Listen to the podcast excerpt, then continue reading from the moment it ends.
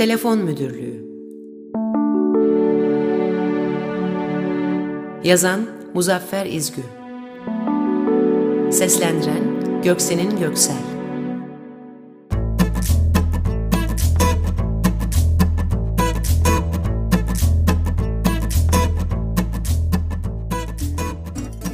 Gönderdiğim teşekkür mektubuna hiç yanıt almadım. Ama olsun.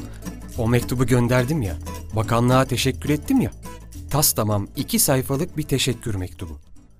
Kim o yapının oraya yapılmasını düşünmüşse, kimler bu iş için karar almışlarsa hepsine bir bir teşekkür ettim. Sağ olunuz, var olunuz efendim. İyi ki o yapıyı oraya kondurdunuz efendim.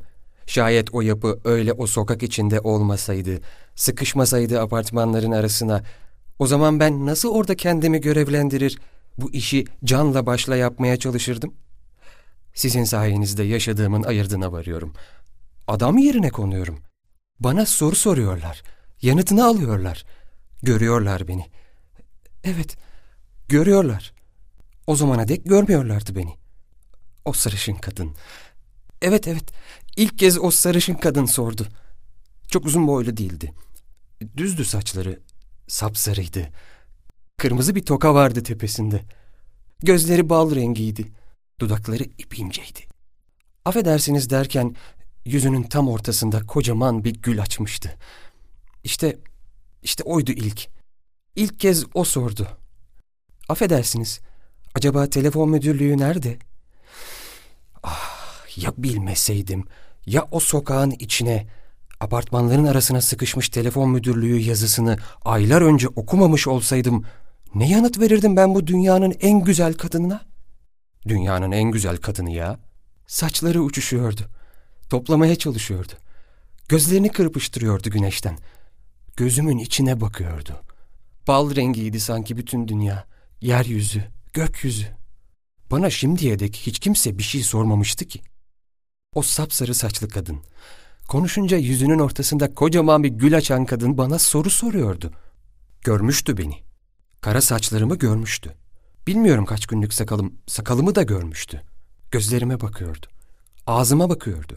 Ağzımdan çıkacak sözü bekliyordu. Çok çabuk mu söyledim, yoksa elimle mi gösterdim bilmiyorum ama duydum. Teşekkür ederim dediğini duydum. Yürüdü gitti sapsarı saçlı kadın. Gösterdiğim yana gitti. Gözlerim onunla gitti. Çakılı kaldım olduğum yerde. Sonra gözlerim geri geldi. Eğer o yapı o sokakta olmasaydı, o dünyanın en güzel kadını benimle konuşmazdı. Bana soru sormazdı. Ben o yapının yerini bilmeseydim, ona telefon müdürlüğünü gösteremezdim. Sağ ol bakanlık. Sağ ol. Binlerce kez teşekkür.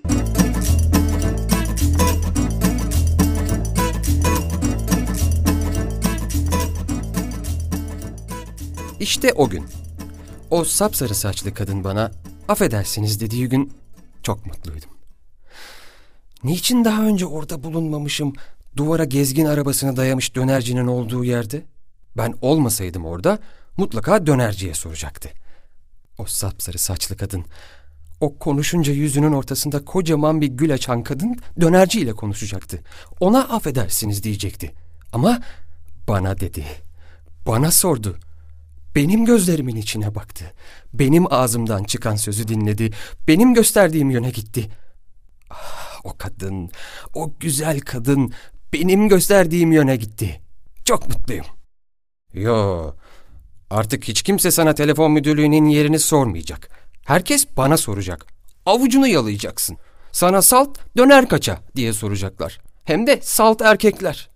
Senden bir günden bir güne bir kadının döner alıp yediğini görmedim ki. Pis adam. Hem senin bıyıkların da pis. Ya ben? Temiz miyim? Temiz olurum. Çok kolay. Giderim berber Niyazi'ye. Söz derim. Öderim borcumu.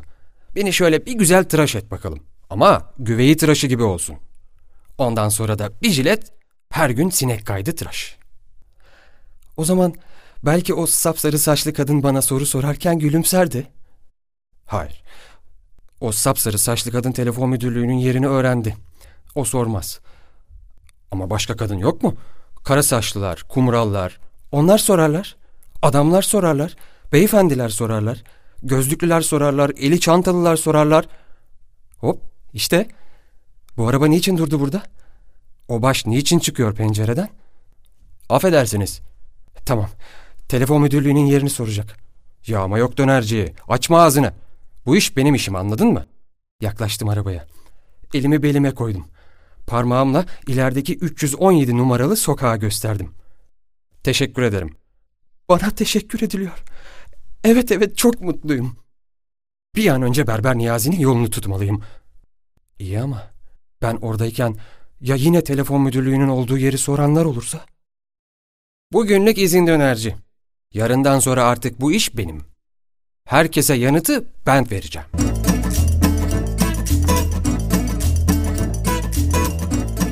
Bir güzel tıraş oldum. İş mi buldun lan köfte Kemal? diye sordu Niyazi. Serseme bak. İş mi bulmuşum? Ben böyle sorulara yanıt vermem. Hele sana hiç yanıt vermem. Beni ararsan o duvara dayanmış dönercinin oradayım. İşim mi?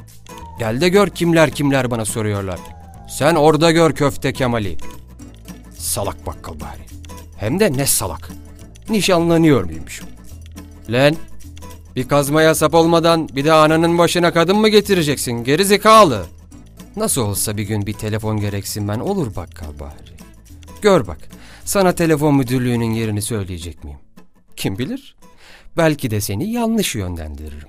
Başka yöne yollarım. Ya anama ne demeli?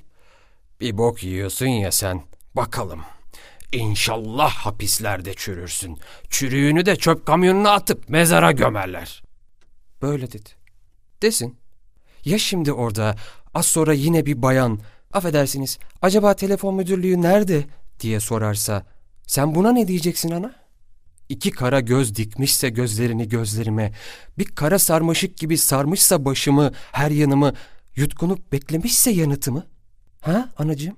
Elimi uzatıp göstermişsem, işte şuradaki 317. sokak demişsem, kara gözlerine daha çok bakmak için, soluk alışını daha çok izleyebilmek için sözü uzatıp 317 numaralı sokağa döndükten sonra sağ tarafta 5 apartman sonra demişsem. Hanginiz bir şey soruyorsunuz bana? Mahalledeki hangi kadın kız gözlerine baktırıyor? Defol lan köfte Kemal. Yürü taş arabası. Salak önüne bak. Başka söz söylüyor musunuz? Ama ben şimdi, şimdi şeyim ben.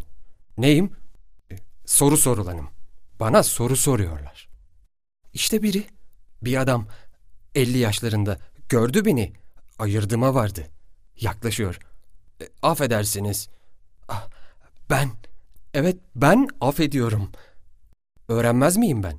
O sık sık kalem aldığım, aldığım kalemleri ne yaptığımı soran kırtasiyeciye sordum. O söyledi. Bilmiyor musun? Dedi. Sana biri affedersin diye bir şey sormaya başladığında rica ederim diyeceksin. Rica ederim efendim. İlk kez bir genç kıza rica ederim efendim dedim. Aman ne etkili oldu. Niçin ben bugüne dek sormamışım? Genç kız biraz daha yaklaştı yanıma. İkimizin arasına menekşe kokusu geldi yerleşti. Sözlerimiz menekşelerin içinden kulaklarımıza yansıdı. Kolum menekşeli hava içinde döndü. Genç kıza telefon müdürlüğünün olduğu sokağa gösterdim. Kızın teşekkürlü gülüşü de menekşe gibiydi. Ah ah ben düşlerimde bile böyle güzel kızlarla konuşmadım. Niçin daha önce burayı keşfetmemişim?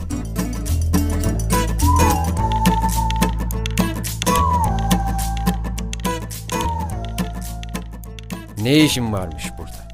Ne zamandır burada durmaktan maksadım neymiş? Birini bekliyorsam çoktan gelmiş olmalıymış. Yoksa niyetim başka mıymış?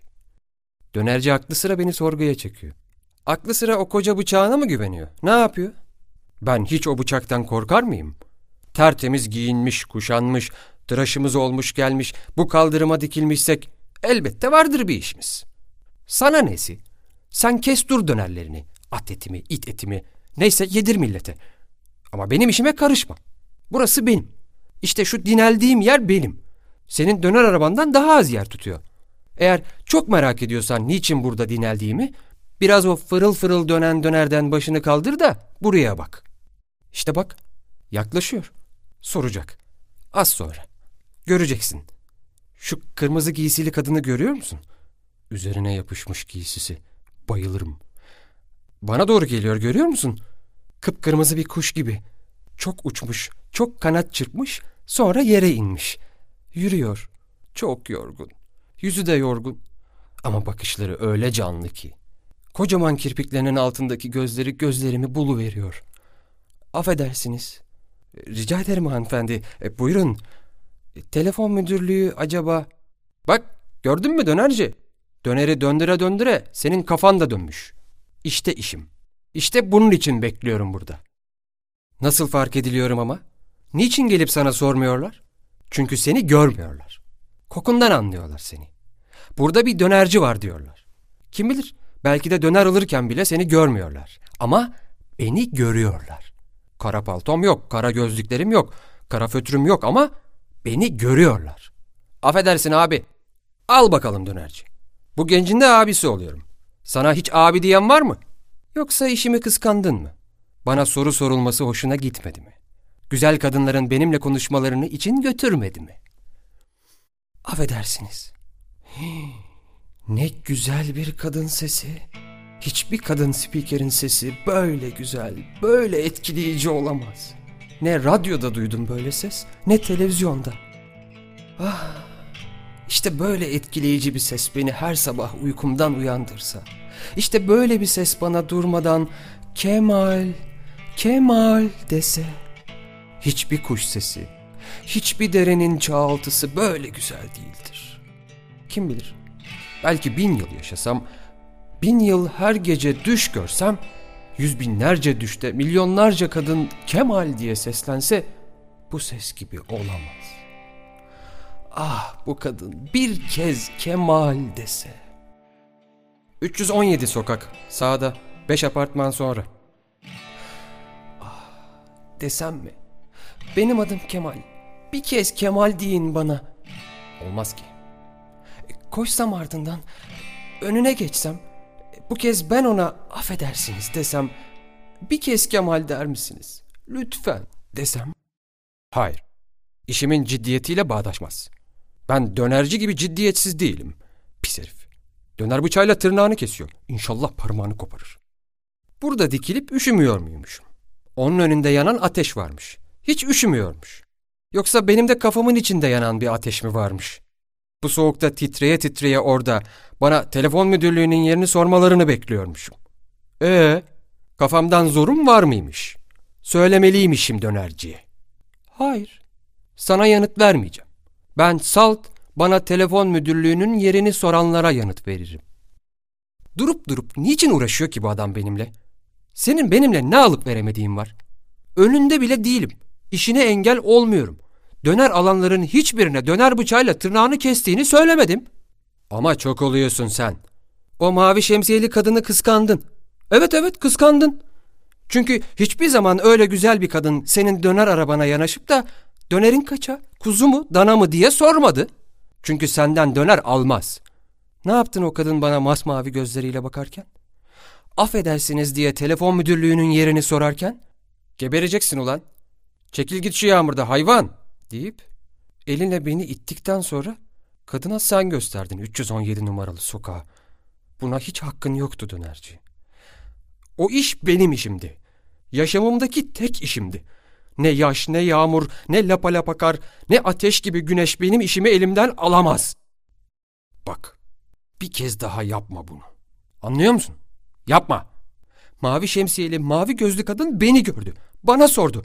Sana sormadı, anlıyor musun? Sana sormadı. Çünkü seni görmedi. Pis. Uzun tırnaklı, kıllı canavar. Son olsun. Bu son. Sakın işimi elimden almaya kalkışma. Sonra karışmam.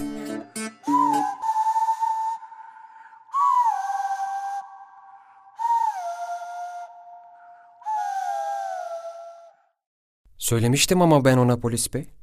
Söylemiştim. Yağmurlu bir gündü. Uyarmıştım ben onu. Ama ben içimden konuşurum polis bey. Ona içimden dedim. Bu son olsun. Bir daha yapma dedim. Bu kez de kızgın güneşi bahane etti polis bey. 60 derece güneşte eriyecekmişim telefon müdürlüğünü gösterme uğruna. O küçük ağızlı kadını kıskandı benden. Koca gözlerini kıskandı. Beline dökülen saçlarını kıskandı. Aynı sözleri söyledi bana. Gebereceksin ulan güneşin altında. Çekil git şu güneşin altından hayvan dedi. Eliyle itti beni. Küçük ağızlı kadına telefon müdürlüğünün yerini o gösterdi. Benim işimi elimden almak istiyordu. Oracıkta fark edilmemi çekemiyordu. İnsanların bana değer vermeleri hoşuna gitmiyordu. Ama benim başka hiçbir işim yoktu ki. Ne güzel insanlara telefon müdürlüğünün yerini gösteriyordum. Hem o döner bıçağıyla tırnaklarını kesiyordu polis bey.